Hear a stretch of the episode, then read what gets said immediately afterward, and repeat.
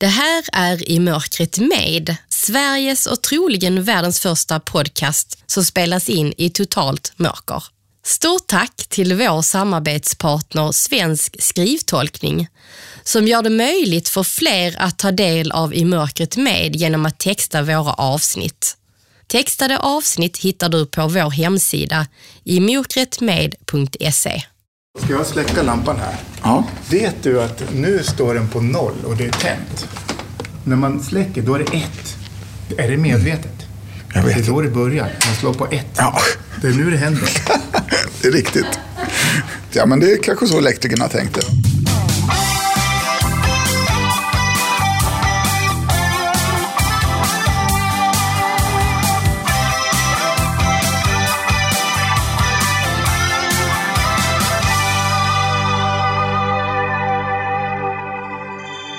Tusen tack till alla er som lyssnar på I mörkret med. Jag som pratar heter Anna Bergholtz. Och vet ni? I förra veckan var det ett år sedan I mörkret med startade. Och vi är jättestolta och glada över att I mörkret med fortsätter att rulla. Vill du stötta vårt arbete? Det bästa du kan göra då är att berätta för andra att I mörkret med finns. Och du kan även betygsätta oss på iTunes, i din podcast-app eller på Facebook. I det här avsnittet sätter vi fokus på psykisk ohälsa tillsammans med en 28-årig kvinna som beskriver sig själv som nörd. Science fiction och tv-serier har alltid varit det stora intresset och likaså räddningen när hon mobbades som barn. Hon vet vad det innebär att inte vilja leva, men inte heller vilja dö.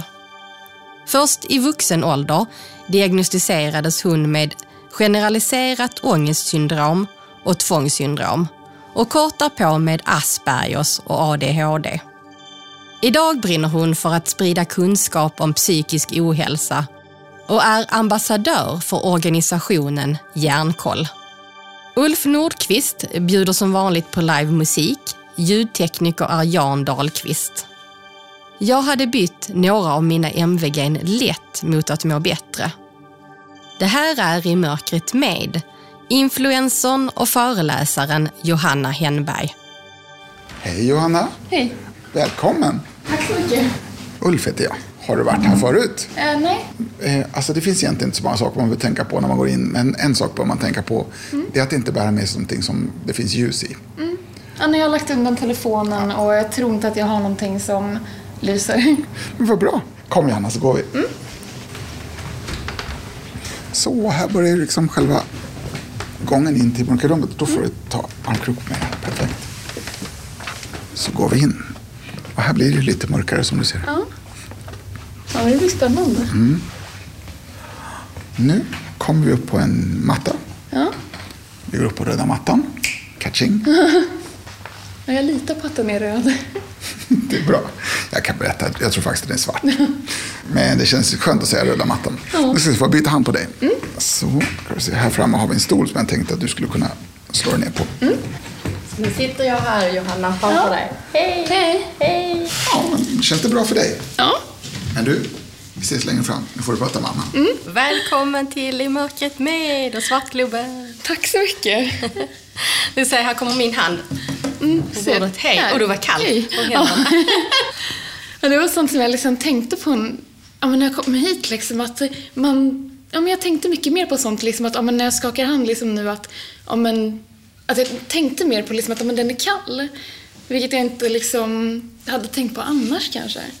Ja, det, Så det- kan vara så. Ja. ja. Hur är läget idag? Ja, det är bra. Ja, vad härligt. Ja. Hur eh, känns det nu i mörkret då?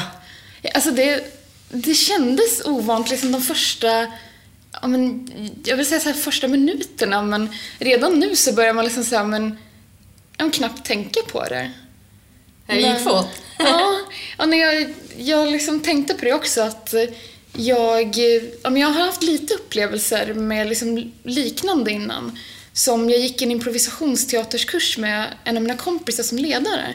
Och en av övningarna han hade var att vi skulle gå runt i rummet och liksom blunda hela tiden. Och alla var ju såhär, nej, nej men gud, det, det vågar inte jag liksom och det. Och jag var ju typ nästan mest liksom att nej men gud vad läskigt liksom att krocka med folk och så här. Och han liksom, nej men jag, jag liksom håller koll på er så att ni inte typ går ner för trappen eller någonting. Och alltså det tog ju knappt ens fem minuter innan man vande sig. Vad var tanken med det då, att gå runt och, och blunda? Det var ju det här att liksom ja, men, våga på något sätt och liksom frigöra sig och sen liksom inte vara rädd för liksom, ja, men, kanske liksom att stöta till någon liksom eller ja, men, jag vet inte, få bättre koll på sin kropp. Det var väldigt spännande. Det kändes som att det, liksom, ja, men det gav en självsäkerhet. Liksom. Vi har ju träffats förut, när du var med i en panel eh, för eh, Myndigheter för delaktighet. Ja, jag tyckte att eh, du var så bra så jag tänkte dig måste jag bjuda in till podden. Tack! Berätta vem du är, Johanna. Ja, först och främst är jag väl föreläsare och liksom, eller jag informatör om psykisk hälsa och psykisk ohälsa. Så ja, mitt jobb är ju att prata om mig själv helt enkelt för att liksom minska stigmat kring det här med liksom att må dåligt, ha diagnoser kanske, överhuvudtaget liksom Ja men först och främst liksom minska de här negativa attityderna i samhället. Liksom att oh, det är någonting man inte pratar om och det är, liksom, det är så hemskt. Och typ alla yxmördare. Men, men sen även liksom att ja, men hjälpa de som mår dåligt. Liksom att ja, men, ge dem tips och råd. Typ så här gör jag för att må bättre på en dålig dag. Eller liksom, så här gjorde jag för att få hjälp. Så det är ju mitt jobb. Men annars så är jag en, jag är en nörd. Jag, jag brukade säga att jag var professionell nörd, men nu har jag ju en annan profession. Eh, För eh, om jag förstår rätt så brukar du alltid ha någonting på dig som på något vis visar din nördighet. Ja, det är en väldigt stor grej med mig. Det är liksom... Det, det är så pass liksom... Jag vad ska man säga? Typ ingrott i min personlighet. Och det, är- det är ju ganska vanligt hos folk med Aspergers. Att man får så väldigt, väldigt starka intressen. Ja, men jag är jätteinne i tv-serier och har alltid varit. Och de blir liksom, ja, men verkligen en del av min identitet. Ja, men som ett av liksom, mina exempel brukar vara i tonåren så var jag jätte, jätte inne i Star Trek. Och jag är fortfarande så här, liksom, ja, Star Trek for life. Och då var det liksom folk på skolan som man aldrig hade pratat med som ändå liksom visste, ja ah, men det är den rödhåriga trekking liksom. Det är, det är hon som gillar Star Trek. Vad har du på dig idag då? Ja, idag har jag faktiskt en ganska neutral tröja. Det är, typ, det är den enda tröjan jag har utan typ så tryck. Men däremot så har jag ett halsband som är från tv-serien Digimon. Vad är Digimon? Eh, det, Pokémon vet jag inte, men Digimon känner jag inte till. Nej, men det, det är ungefär som Pokémon, men jag brukar tycka att det är lite mer så här karaktärsdrivet. Och jag gillar liksom när det är men, historier om personer och deras relationer till varandra och sånt. Vad är det för halsband då? Eh, ja, alltså det är som en stor... Jag ska säga, den är lite droppformad vill jag säga, men det, det är liksom en, en symbol som en av karaktärerna har. Och den är liksom, halsbandet är som en, typ som en replika av ett halsband han har. Och eh, det är liksom... Ja, gud, det är väldigt svårt att förklara. Det, det märker Kan, du. kan jag känna eller? Ja. Jag ska se, om jag kommer... Om jag sträcker mig över bordet här, ska jag se om jag hittar det. Ja. Se, där. Ah, det är ganska stort. Ja. Och lite taktilt, ja. får man nästan säga. Och det är, det är guldigt. Så det är så Ah. väldigt, det blänker väldigt mycket. Så jag var sådär först, om ska jag ha på mig det liksom, ta så foton och sånt, men det brukar inte vara något problem. Men eh, om du skulle beskriva mer dina egenskaper, du har varit inne på det här att du är nördig och eh, science fiction har varit och är din grej och så. Något mer? Eh, språk måste jag ju ändå säga, som att jag har en kandidatexamen i engelsk lingvistik. Så jag har alltid ja, men, varit väldigt fascinerad av språk och liksom ja, men, språkbyggnad. Och vad är det som är så intressant i det då? Jag vet inte, det känns som att det, det, det är någon slags förklaring på något som man annars tar för givet. Till exempel grammatik och sånt, det, det känns lite som att det är typ så här språkets matte. Och det är liksom, man kan verkligen så här, ja, se hur sakerna är uppbyggt och hur det liksom ja, hur det finns likheter mellan olika språk och så, men sen även sådana här saker som man inte riktigt vet och som liksom lingvister än idag inte liksom, ja, riktigt vet varför ja, men vissa språk har saker gemensamt och sådär. Men jag vet inte, jag tycker bara det, det är kul att liksom hitta meningen. Varför med blev det liksom- just engelska då? För man kan ju läsa lingvistik inriktat på svenska. Alltså jag har alltid älskat engelska och jag har alltid varit, ja, om jag får klappa mig själv på axeln, jag har alltid varit väldigt bra på det. För, just för att jag har ett sånt väldigt stort intresse för tv-serier. Jag vet att Ja men folk brukade liksom vara så här i skolan, men hur kan du vara så mycket bättre på engelska än de andra? Liksom, och då var det så här, TV, TV-spel liksom. Det, Ja. det, det har mycket mer värde än vad många tror.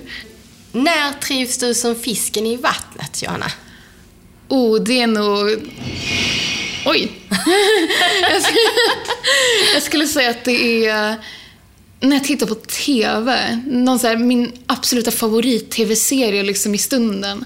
När det kommer ut ett nytt avsnitt liksom, eller om det är någonting som inte går på TV längre. Liksom att bara sitta där, ja, men, ja, helt själv måste jag ändå säga. Liksom, och, och bara liksom sugas in totalt i liksom den här fiktiva världen och, och jag blir så här, jag liksom, ja, men jag analyserar ja, men speciellt karaktärsrelationer och sånt och jag vet inte, bara leva mig in i en helt annan värld. Har alltid älskat det. Vad, alltså vad är det... Oj, de tömmer glas här ute. Att sugas in i en annan värld, alltså har det någon särskild betydelse för dig, tänker jag, med tanke på dina diagnoser?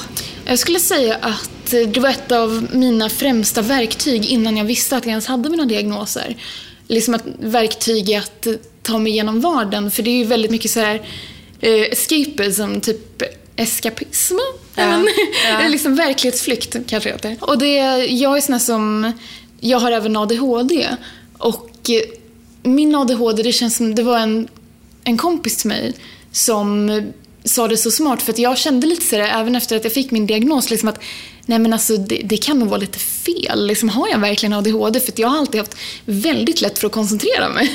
Och liksom ja, men är inte liksom rastlös på det sättet och liksom kan sitta still och allt sånt.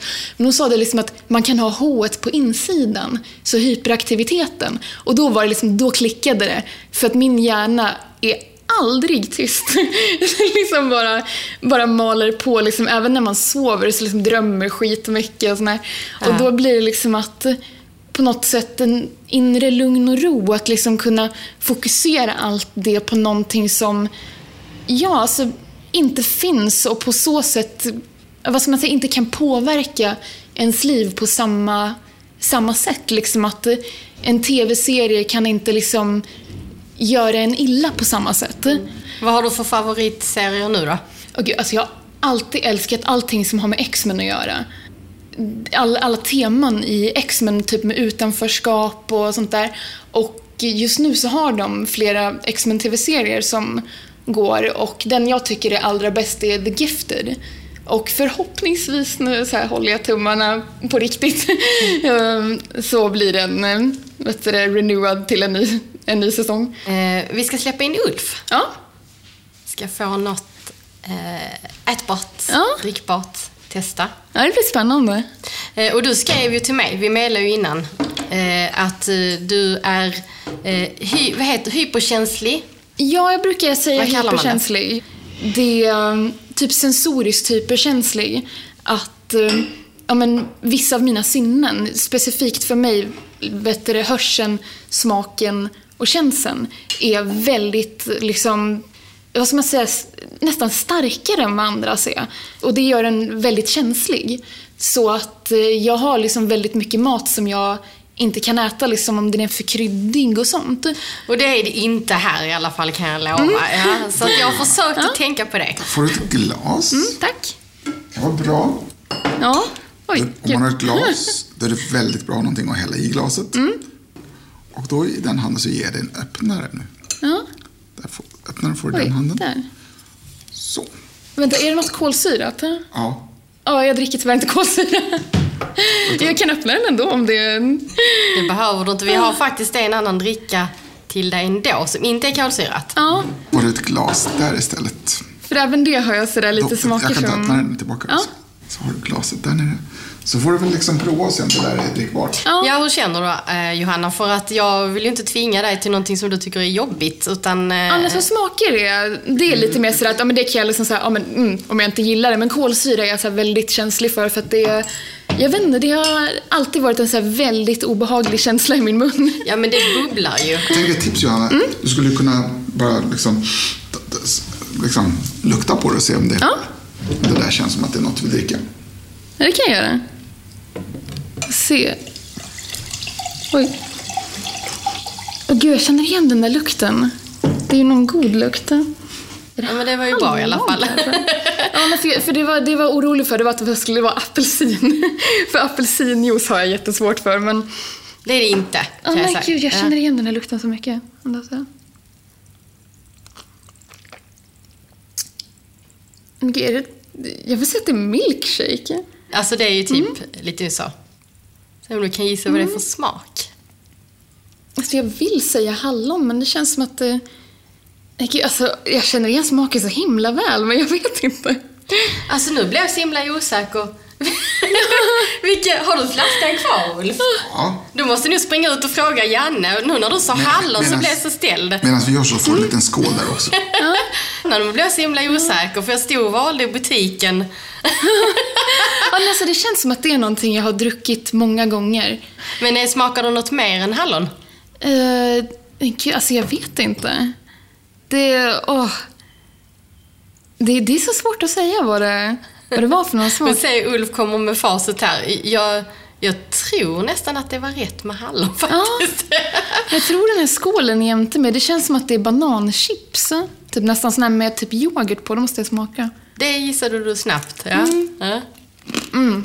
Ja, men sådana, det gillar jag. Ja, Så, bra. Mm. Jag vet inte, det, det känns som att formen är väldigt distinkt. Ja, det är sant. Det trodde jag inte jag skulle kunna gissa direkt. Snabbt gissat, ja. Mm. Är du tillbaks nu Ulf? Jag är på ingång. Ja. Vi får facit. Vad det är du nu dricker. kommer facit Johanna. Mm. Det är White Chocolate Raspberry. Ja men gud, alltså. Wow! Åh, jag vet ju vilken. Det, det är de här, åh, de flaskorna. Jag kommer inte ihåg vad de heter, jag köper ju dem hela tiden. Ja, men gör du? Det var lustigt. Åh gud, alltså, det är typ det jag brukar köpa, men känner jag liksom. Jag tänkte alltså- att, eh, att du skulle ha någon mild smak. Jag gillar själv de där. Och så, Mm.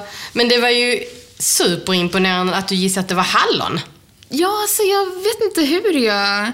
Redan på lukten så kändes det som att liksom... Ja, men jag, jag trodde det skulle vara typ så hallonsaft. Men eh, jag vet inte, hallon har jag alltid gillat. Så det kanske är det att jag liksom sådär någonstans i bakhuvudet så liksom min hjärna bara, men det här har du ätit många gånger. Eller druckit. Ja, vad bra. Jag ska ta en sån där banangrej. Så. Mm. Måste jag smaka. Jag vet inte, jag, jag här försöker liksom... Det, det Där, känns, ja. Ja, jag det känns som jag ställer dem så här för, för nära kanten liksom. Så man bara så... Oh. Jag funderar bara på om det är sån här med choklad eller med yoghurt. Vad tror du? Jag tror nästan choklad, för det känns som att de yoghurt är de jag köper oftare. Och jag har svårare att placera smaken. Men jag gillar den fortfarande och jag vet att jag gillar dem med choklad. Så jag, jag vet inte, jag är lite osäker med bananchipsen. Det är choklad. Okej. Mjölkchoklad. Så ingen mörk choklad. Mm, det passar perfekt.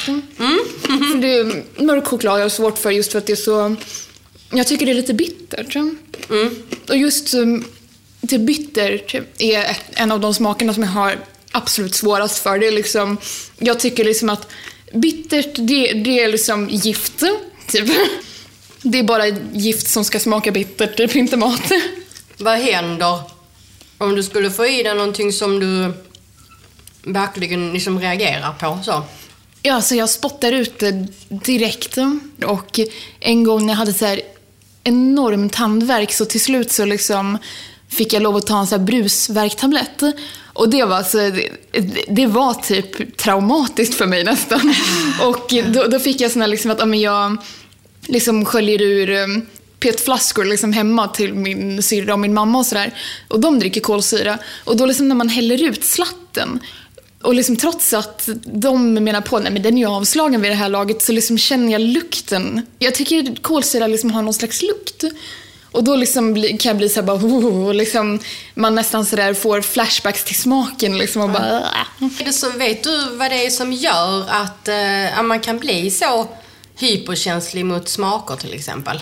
Ja, Alltså, jag tror att man kan bli det utan att ha Aspergers. Men i mitt fall så är det ju min Aspergers slash autismspektrumdiagnos. För att det är väldigt, väldigt vanligt att folk som ligger på autismspektrat har någon liksom sensorisk hyperkänslighet eller många. Som sagt var, jag är även väldigt, väldigt känslig för ljud, så liksom höga ljud och speciellt liksom plötsliga. Så att jag har liksom, ja, men starka fobier till, till och med som är liksom kopplade till, till hörseln. Som jag, jag har liksom en enorm fobi för ballonger. Ja, men det var det de andra i skolan liksom, som inte kände mig som Star Trek-nörden, det var så här, ja, men det var hon som var rädd för ballonger. Och det är liksom det här, ja, men de plötsliga höga ljuden. Så typ nyårsafton är inte populärt hemma hos oss. Nej, Men- och det är ju ganska onödigt egentligen, kan man ju tycka. Det är ju Ja. raketerna. Eh, vi backar tillbaks eh, till eh, barndomen. Du är född i Växjö och sen har du flyttat runt en massa. Ja. Eh, vi stannar lite, tänker jag ändå, i grundskolan och så, Johanna. Hur var det för dig då? Alltså det var lite upp och ner för att akademiskt så gick det väldigt bra. Och jag var typ liksom alltid toppen av klassen liksom, trots att jag typ inte ansträngde mig. Ja, Jag har alltid haft väldigt lätt för att ja, här, bara tröka in kunskap i huvudet oavsett om jag tycker det är intressant eller inte. Även om det blir lite lättare när man tycker det är intressant. Och du, du har ju sagt att eh, man kan ju vara bäst men ändå må sämst. Ja, Hjärnkoll för ökad öppenhet om psykisk ohälsa. Tre av fyra har erfarenhet av psykisk ohälsa. Men trots att det är så vanligt finns det fortfarande mycket stigma och fördomar förknippat med psykisk ohälsa. Det vill organisationen Hjärnkoll ändra på. Därför har Hjärnkoll cirka 300 ambassadörer som är ute och föreläser om sina erfarenheter för att på så vis öka kunskapen. Vill du veta mer eller boka en ambassadör? Gå in på hjärnkoll.se.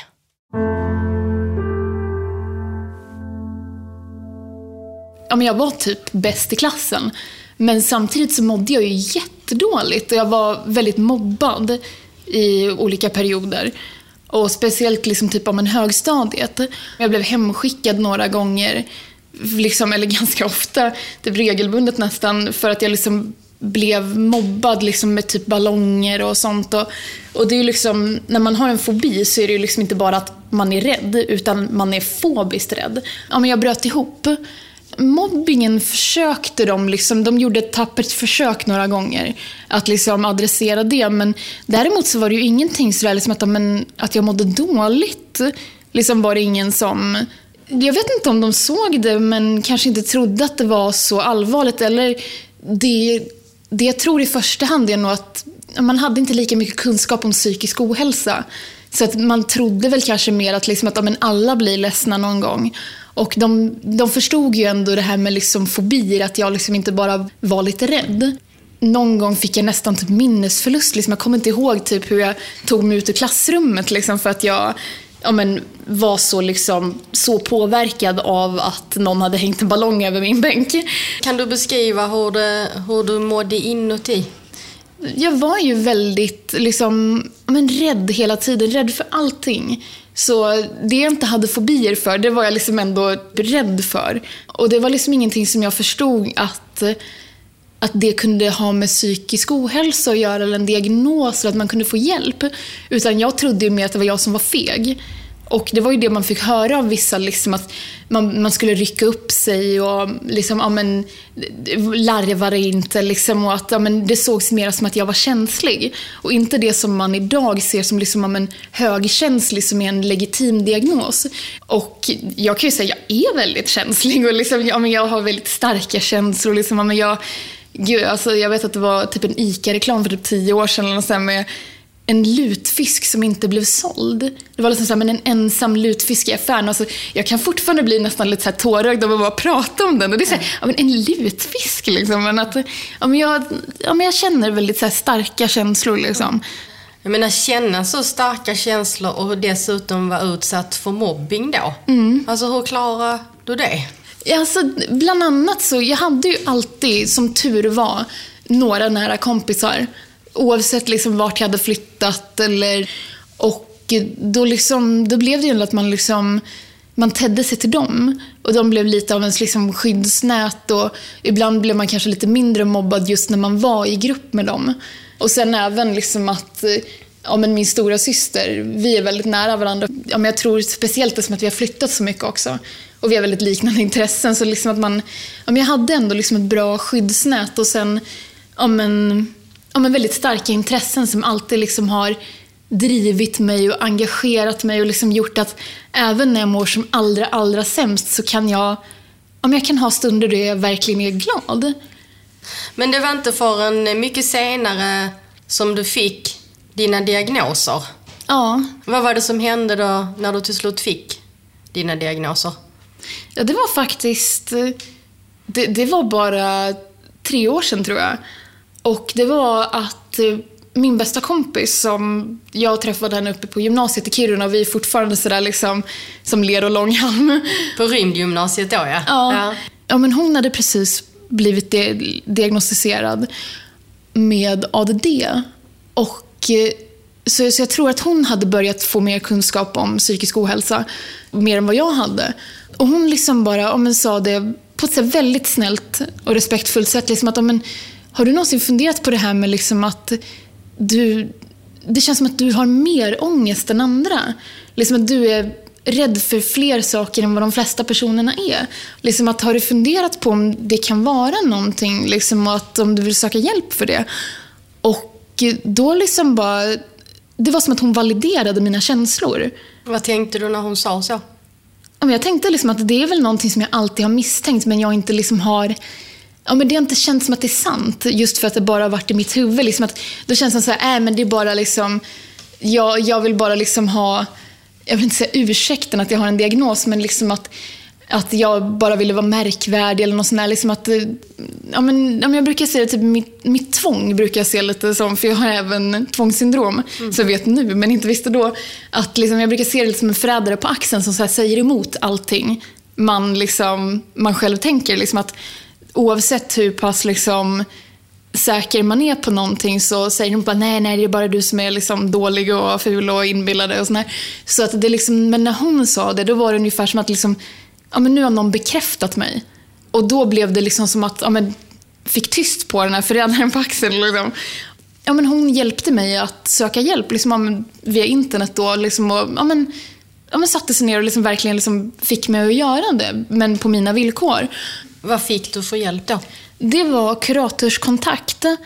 Och eh, det fick ju mig ändå att liksom bekanta mig med systemet. Men tyvärr så, jag fick en kurator som liksom men hon och läkaren de förstod inte riktigt hur illa jag mådde. Liksom, och hur mycket ångest jag hade. Utan det var lite så här, men alla har ångest. Ja, för jag tänker på det för att det hör man ju väldigt mycket. Och, och jag menar särskilt unga människor pratar ju väldigt mycket om det att man har ångest. Ja. Alltså kan du beskriva liksom skillnaden att ha ångest så att eh, man som i ditt fall då har fått en diagnos? För det, det känns som att ordet ångest används lite, eh, ja men man slänger lite hit och dit med det ordet. Alltså det är lite överanvänt, men samtidigt så kan jag ändå lite så hålla med om när folk säger så här, men alla har ångest. Men skillnaden är ju hur, hur ofta man har ångest skulle jag säga och hur stark ångesten är. Liksom, ja, men jag har ju ångest, liksom, ja, men, oavsett hur många gånger jag åker med liksom sådär, ja, men pendeln och bussen och sådär, liksom att ja, men, bara jag ska till något nytt ställe som är liksom en hållplats bort så får jag verkligen liksom markant ångest och inte bara den här lite sådär att oj, var ska jag av? liksom tio minuter innan utan jag börjar liksom planera dagen innan och verkligen så här liksom, ja, men tar liksom typ screenshots på liksom från SL-appen och sånt där. Så att jag verkligen har stenkoll på liksom på sakerna och liksom se till att jag är i god tid till allting. Liksom jag är alltid mycket för tidigt till allting. Jag var typ en halvtimme för tidigt nu typ. Men nu inför att ta dig hit då, du, hur, hur var det då för dig? Alltså det är lättare nu just för att jag, när jag var yngre, då hade jag inte utsatt mig för det lika mycket. Men ju mer jag gör det, desto, desto mer hanterbar blir ju ångesten.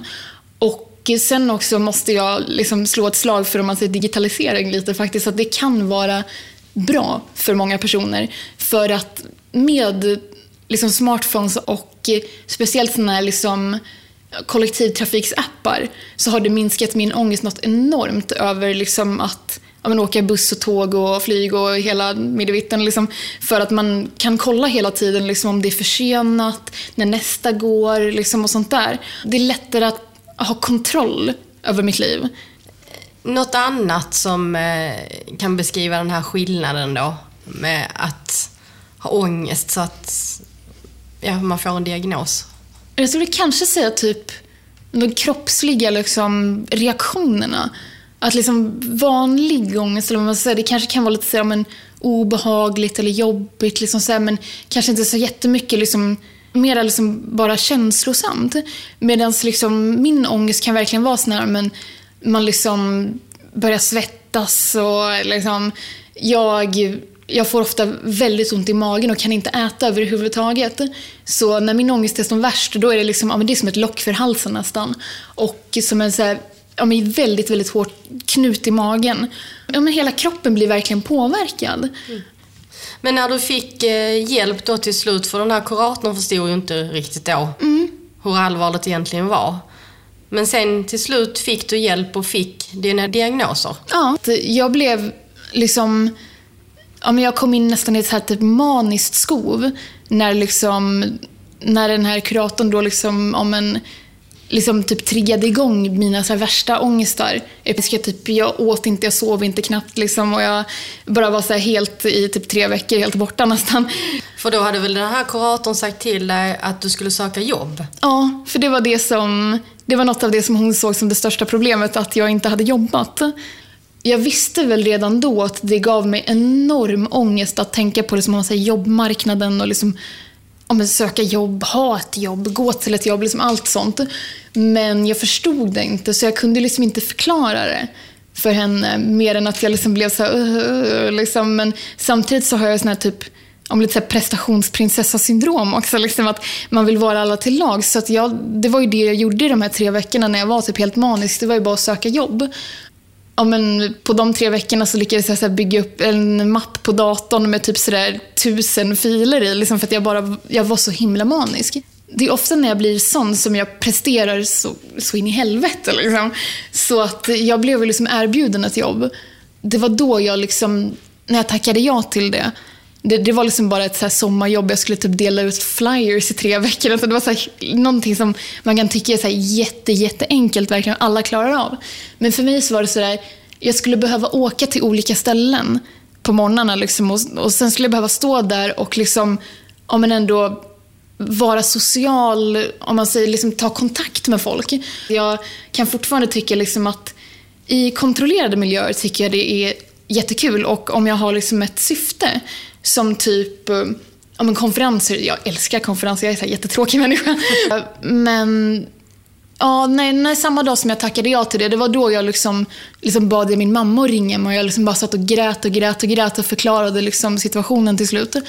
Och jag tror det är det som krävs ofta, liksom att man anförtror sig till någon. För det kan ju vara supersvårt att liksom bara, bara säga högt liksom att jag mår dåligt. På riktigt. Och då var det min mamma som var liksom, ja, men du behöver, liksom, för jag pluggade just då, liksom, och hon var sådär att om du behöver hoppa av så liksom 100% gör det, för det du måste fokusera på liksom, först och främst nu är ditt mående, för du mår inte bra. Det är liksom att min mamma då liksom verkligen ja, men sa det, du mår dåligt. Då var det liksom som att jag, jag fick liksom, jag ska säga, jag blev tillåten att må dålig. Liksom, mm. Eller att jag förstod liksom, att jag faktiskt gjorde det. Har inte dina föräldrar sett det innan? De förstod nog. De försökte hjälpa mig så bra de kunde. Liksom, och det var väl mer de som liksom om man kom till ens försvar, om det var typ sådär att men, ryck upp dig lite, så att men, det, det är inte alltid så lätt. Liksom, och, men, så här har Johanna typ alltid varit. Liksom. Men att de kanske ändå inte riktigt förstod det här med typ diagnoser och sånt där jag håller inte det emot dem överhuvudtaget. För det är liksom, min pappa var golftränare och min mamma är liksom förskolelärare. Det, det är inte deras jobb att veta liksom vad ADHD och Aspergers och sånt är. Så förstår jag ändå varför de inte visste det. Men däremot så kan jag vara lite mer sådär typ elevhälsan. Att de inte visste det. För det tycker jag, det, det ingår i deras jobb, elevernas hälsa. Liksom, att veta vad liksom, ja, men, symptom, vad som kan vara liksom ett ett tecken på att någon till exempel har Aspergers och, be och behöver hjälp för det. När du kraschade den här sommaren då, mm. eh, vad hände sen? Ja, då, då flyttade jag upp till min mamma, så det är därför jag bor i Nykvarn. Och jag vågade söka hjälp igen.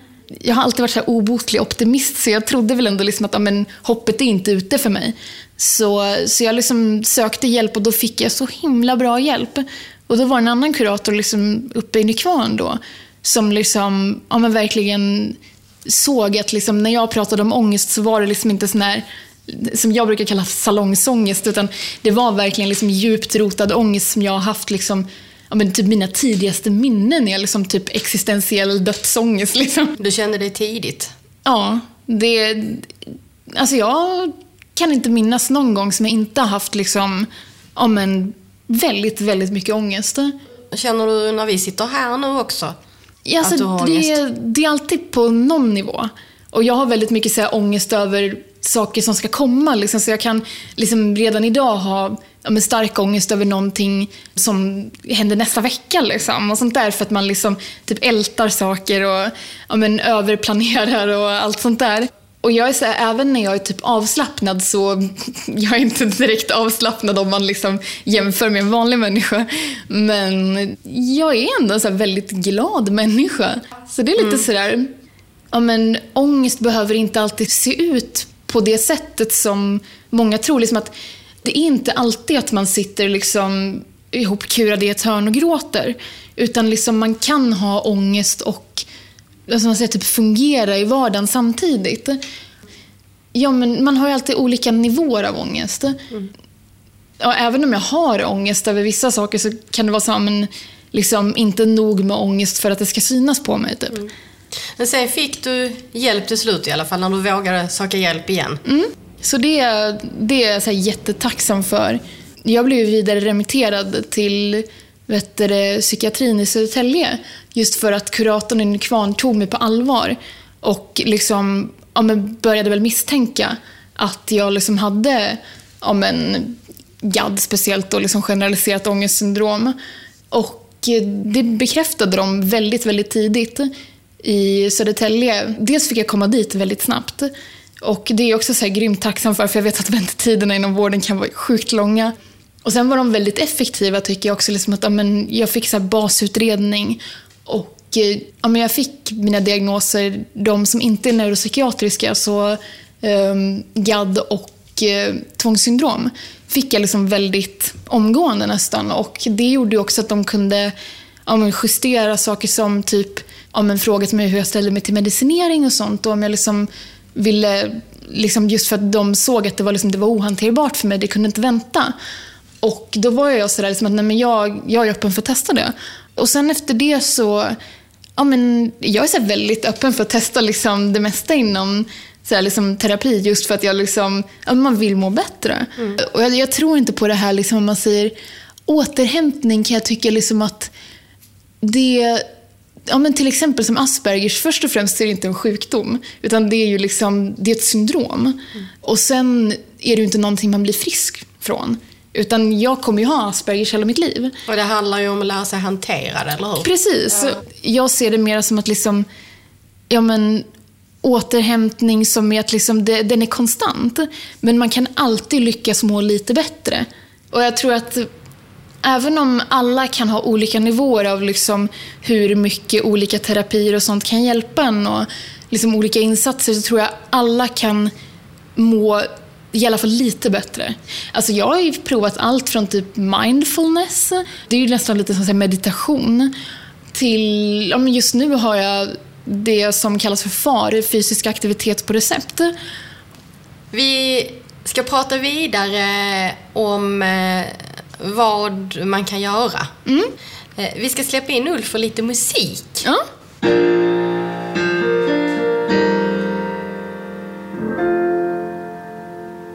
Det var en man som gick ut på jakt för att skjuta en älg eller två eller möjligtvis kanske tre kravmärkt skogskreatur Hungern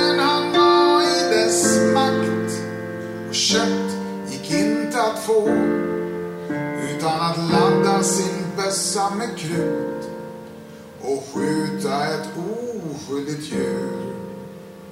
Så han hämtade geväret,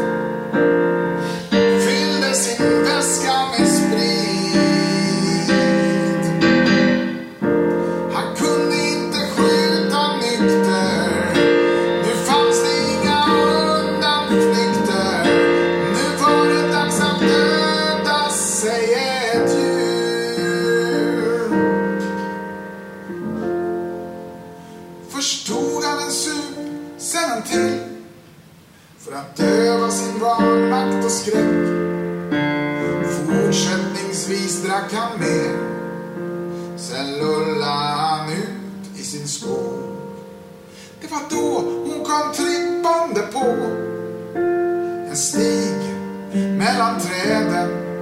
Hon hade stil och karaktär.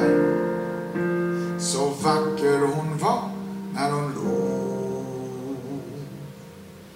Han tog ett stadigt grepp om geväret. Sen tog han sin flaska, drack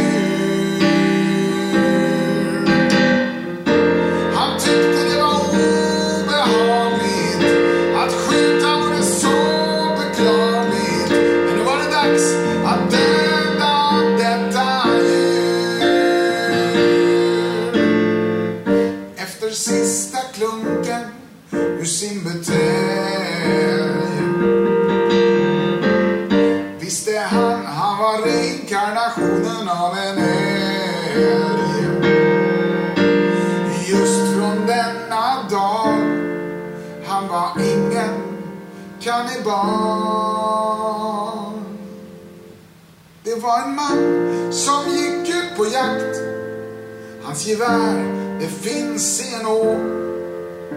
Han ropade, jag älskar dig så. Sen kysste han henne upp på munnen hon rodnade skyggt och kisa ur sin älgögonvrå. En puss, det kan han väl få i skogen när ingen ser på.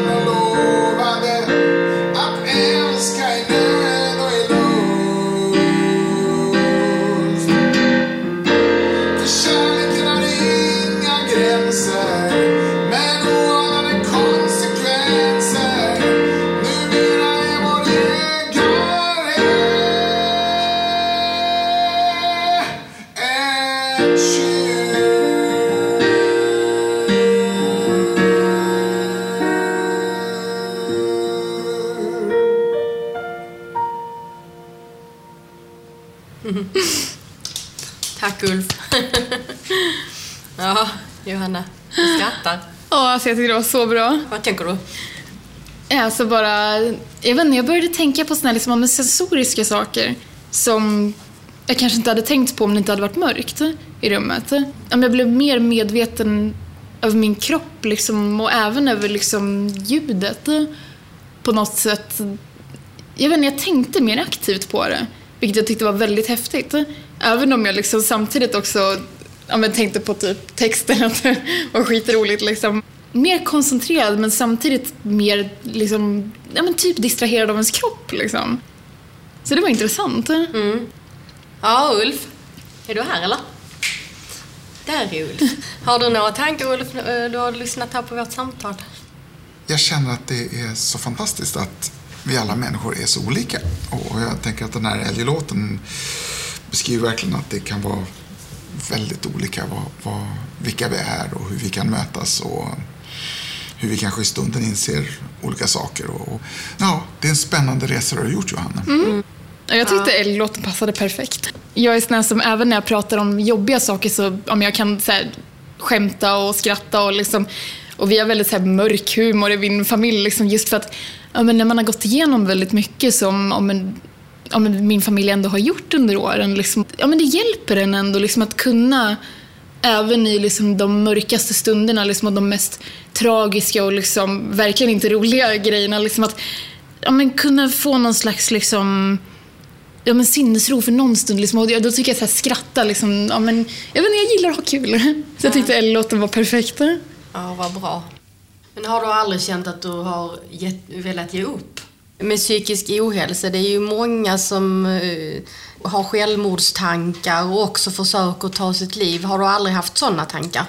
Eh, alltså, jag har tekniskt sett haft sådana tankar, men jag har väl haft, det låter så fel att säga turen när det gäller liksom så här grym dödsångest, men, men det är ju liksom typ som sagt var mina tidigaste minnen är att jag, ligger, att jag liksom låg i sängen typ när jag var typ fem sex och bara så här, ja, men tyst grät för mig själv för att jag var så jävla rädd för att dö.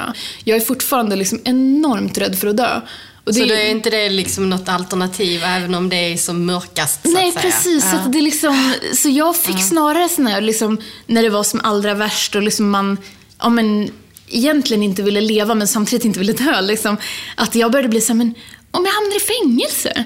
Då slipper jag det här liksom, om man säger ekonomiska, liksom, att jag behöver skaffa ett jobb, jag behöver liksom, betala hyra, jag behöver fixa mat. Allt så liksom att, men då, då är det alltid fixat. Liksom, så att, men, vad ska jag begå för något brott som inte är hemskt? Liksom, så, så, så, jag liksom började snarare så här, men, lite så fantisera om att hamna i fängelse. Liksom, att det var mera de tankarna jag fick just för att jag alltid liksom ändå har vetat att jag är så enormt rädd för att dö. Mm. Att jag inte liksom ja, men, inte kan ta självmord. Om vi hoppar tillbaks till det här med eh, vad som har varit eh, bra för dig för att eh, kunna må lite bättre. Mm. Vad, vad, har du för tankar där? Alltså, vad kan liksom samhället göra för att personer med psykisk ohälsa ska må bättre? Jag tror ju en sak liksom, ja, men som just då med liksom fysisk aktivitet och röra på sig och sånt, det är ju liksom att sprida informationen till samhället. Liksom att, att det finns ett liksom vetenskapligt samband mellan liksom att ja, men bara liksom röra på sig och ja, men må bra. Det är ju en sak om man är liksom extremt djupt deprimerad liksom, och typ inte kan gå upp ur sängen. Då är det liksom inte som att nej men du ska ut och springa. Liksom. Men de har ju liksom visat samband mellan många olika liksom, ja, psykiska måenden, liksom att man kan förbättras. Va, vad händer i dig och vad har hänt när du har börjat träna? Alltså, jag tror att en av de främsta grejerna för mig är ju mer om man säger psykiskt, liksom att självförtroendet har stärkts. Liksom att till och med jag kan träna liksom. Och jag kan mer än vad jag tror. Och sen är det också lite så för mig så kan det vara en bra liksom, distrahering. Speciellt just för att jag tränar i grupp. Våran tränare då, liksom hon ger instruktioner och så, trots att jag, liksom, jag har gått där så, så pass länge nu att jag vet precis vad vi ska göra. Men liksom bara att liksom höra hennes röst och sen har vi musik och så kan jag ändå liksom via mindfulness fokusera på andra grejer. Jag, jag är fortfarande inte direkt om man säger liksom, ja men jag tränar, liksom, jag går på så här gruppgympa en gång i veckan. Men, men nu så liksom ja, men, trots liksom det och att jag typ, ja, men fortfarande känner så här, mm, gud har jag sprungit sedan 90-talet? Så sitter jag i styrelsen för Mental Health Run. Ja, vad är det? Ja, det är ett välgörenhetslopp som går varje år då som vi anordnar. Som, det är bara på fem kilometer och vi heter Mental Health Run.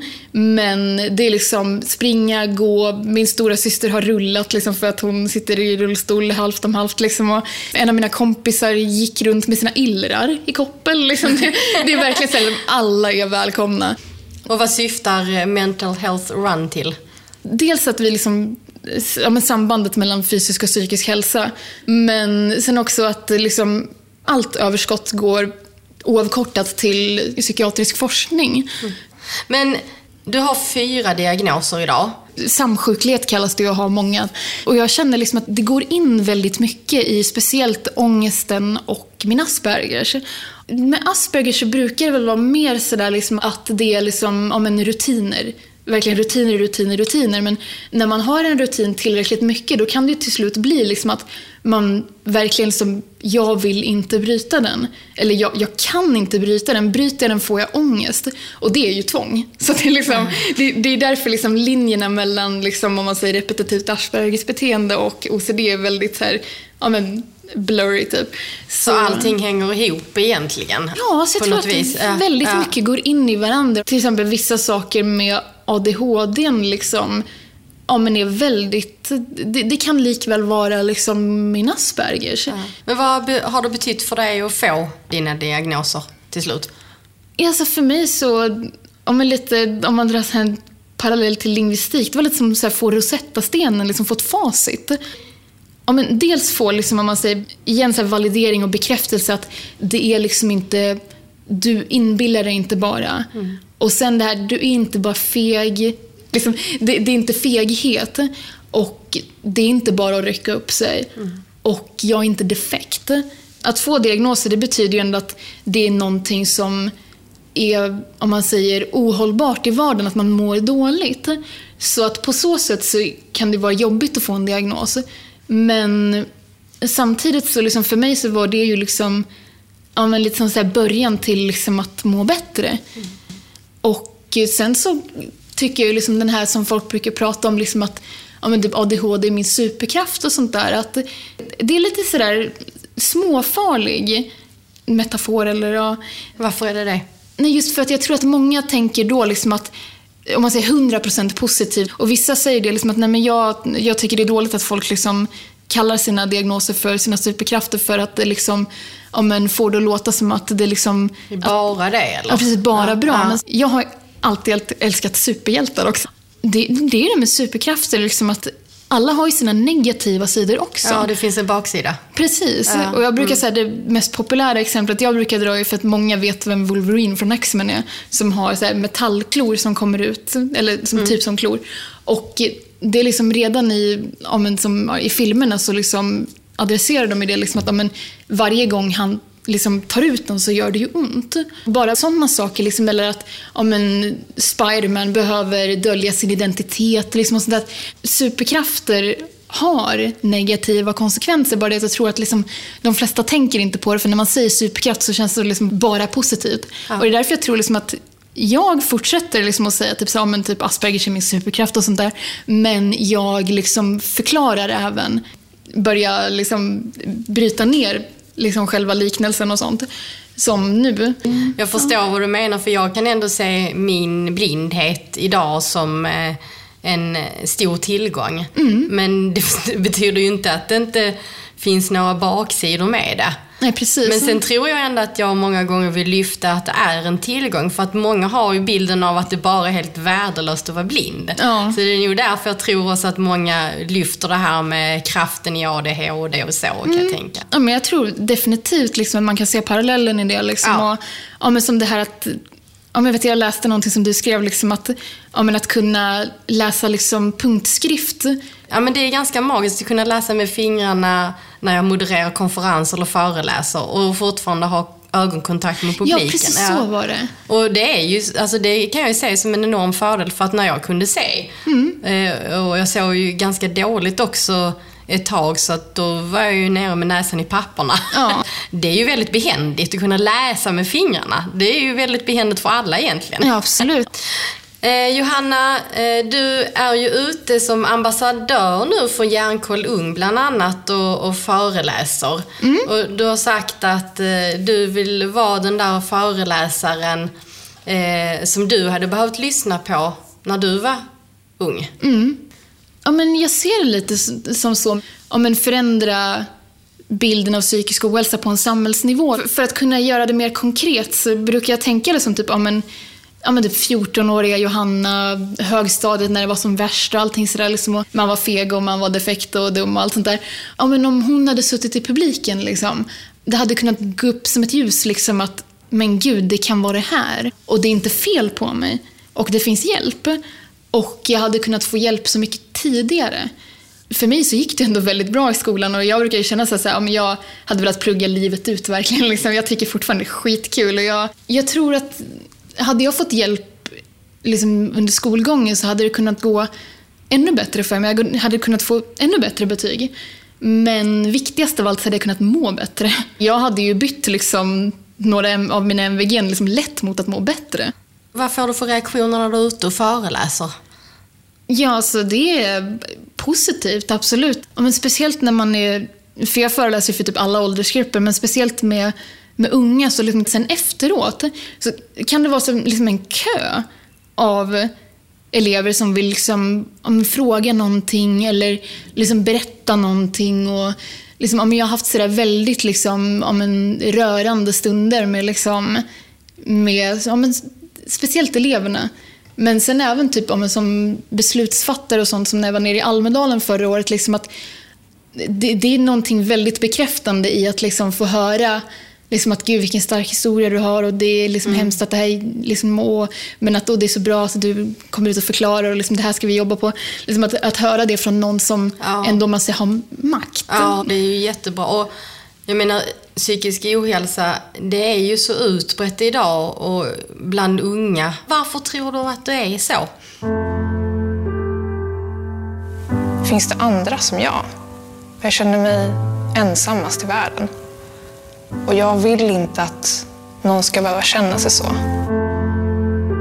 Hjärnkoll Stockholms projekt Våga prata vänder sig till personer under 30 år och syftet är att fler ska våga prata om psykisk ohälsa på sociala medier och därmed bidra till en bild som inte är så tillrättalagd och perfekt.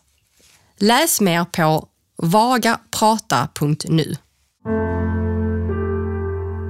Att ge upp finns inte nu. Om jag kan bidra till att dela det på minsta lilla sätt med någon annan så är det det som jag vill göra.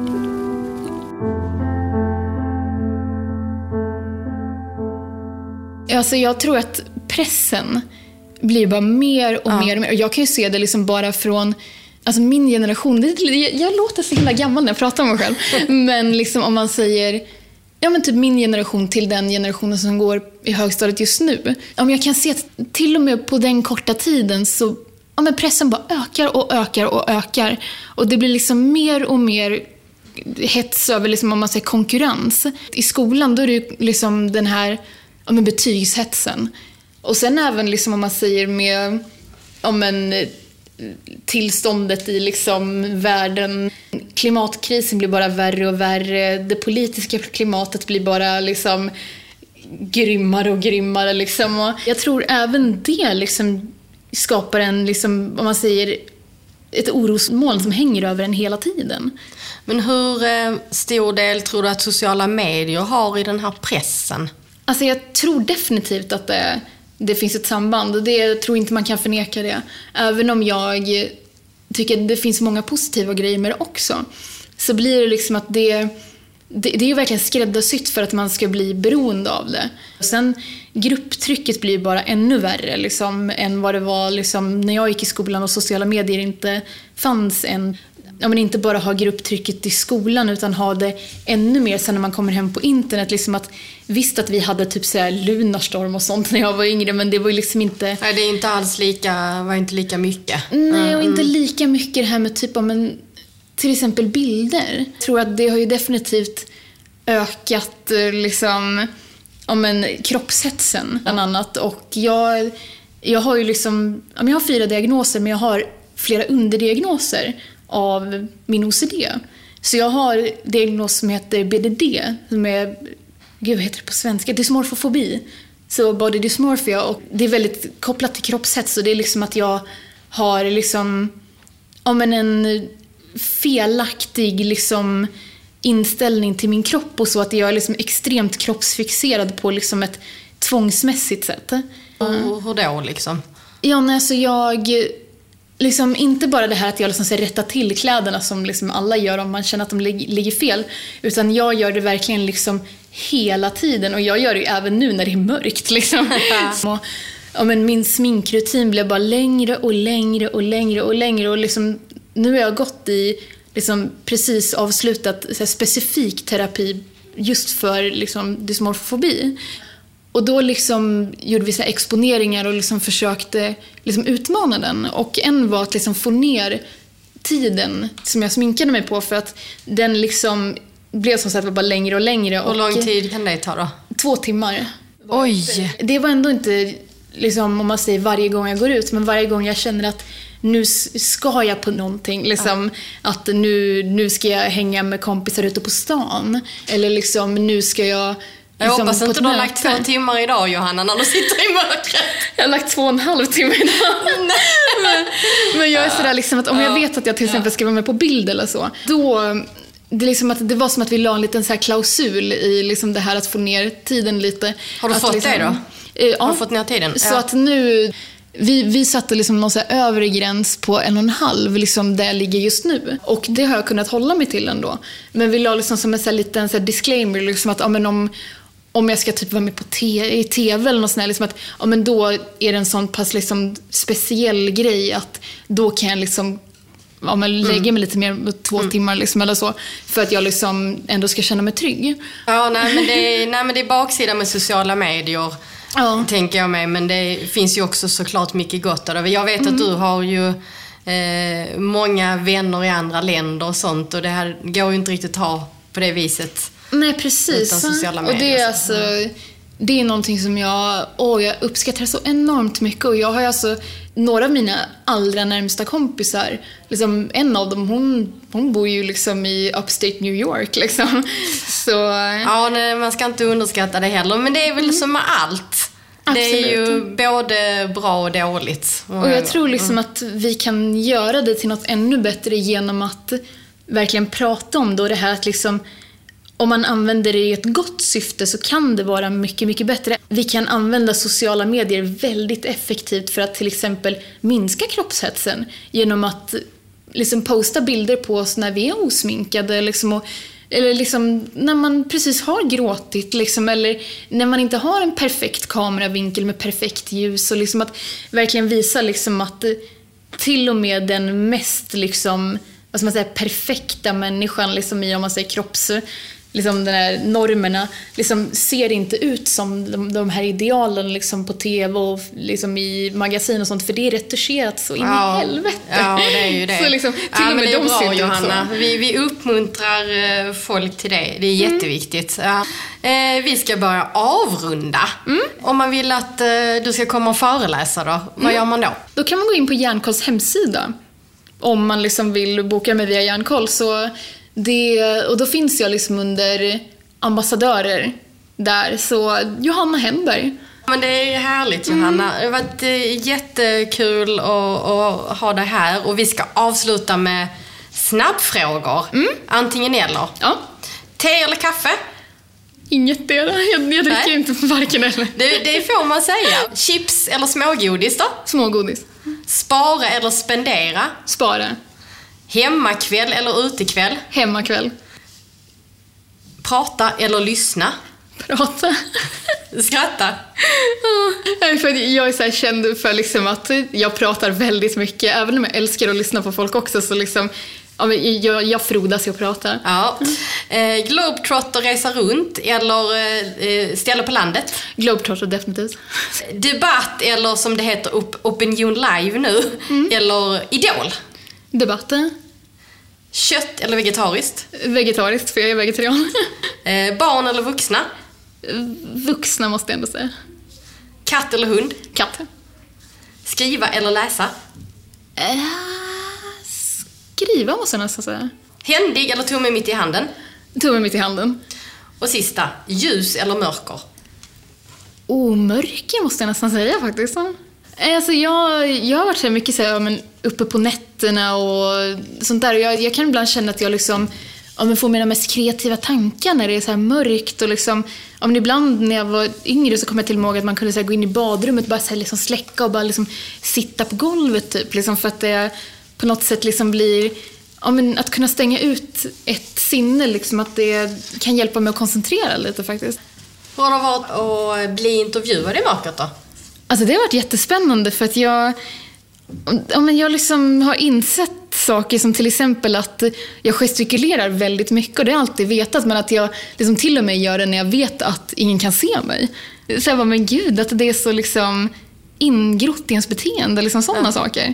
Tror du att eh, intervjun blir annorlunda i mörkret då? Du har ju varit intervjuad i ljuset en hel del. Alltså, jag tror faktiskt det, för jag tror att, men speciellt till exempel som jag som då har dysmorfofobi, liksom gör att jag är väldigt liksom, mån om mitt utseende. Att jag liksom, även om jag då märkte att jag sitter och drar mina kläder och sånt där, så tror jag att jag gör det marginellt mindre. Och att jag kan liksom sitta mer avslappnat för att jag liksom inte är lika, vad ska man säga, ja, men rädd för att saker ska liksom sitta fel eller liksom så. Ja, vi kan konstatera att mörkret är bra på många sätt, eller hur? Definitivt. Ja. Du ska få skriva i vår gästbok, Johanna. Ja. Du har en penna där. Ja, där. Och så på vänster sida, känner du där? Ja. Där. Kan du skriva vad du vill? Ja, du kan skriva på hela sidan. Det är din mm. sida. Åh oh, gud. Nu blir jag, så, jag, alltså, jag kan inte ens skriva snyggt när, när jag ser. Jag är så jag har, och det är liksom inte tanken att man ska mm. skriva snyggt, utan det är ju skriva något eh, mm. så att man vet att du har varit här. Oh, nu blir jag så här... Oh. Min första tanke säger Johanna was here. Nej, men, jag får nästan börja med det i alla fall. Uh, det är väl bra? Uh, utropstecken. Sen ett hjärta kan vi göra. Jag hoppas att det där blev ett hjärta, jag vet inte. Sen en smiley blir bra. Mörker rules. nu skriver jag så här, verkligen så här tonårs liksom, oh yeah. Härligt. Ja, det gillar jag. Ja, Johanna was here, Merkel rules. Lite såhär svengelska också. Ja. Tack Johanna. Tack själv. Tack för att du lyssnat. vill du höra av dig till oss kan du göra det på e-post hej snabela i mokretmed.se och vi har en hemsida i mokretmed.se. Och följ och gilla oss gärna på Facebook. Vi hörs igen om fyra veckor.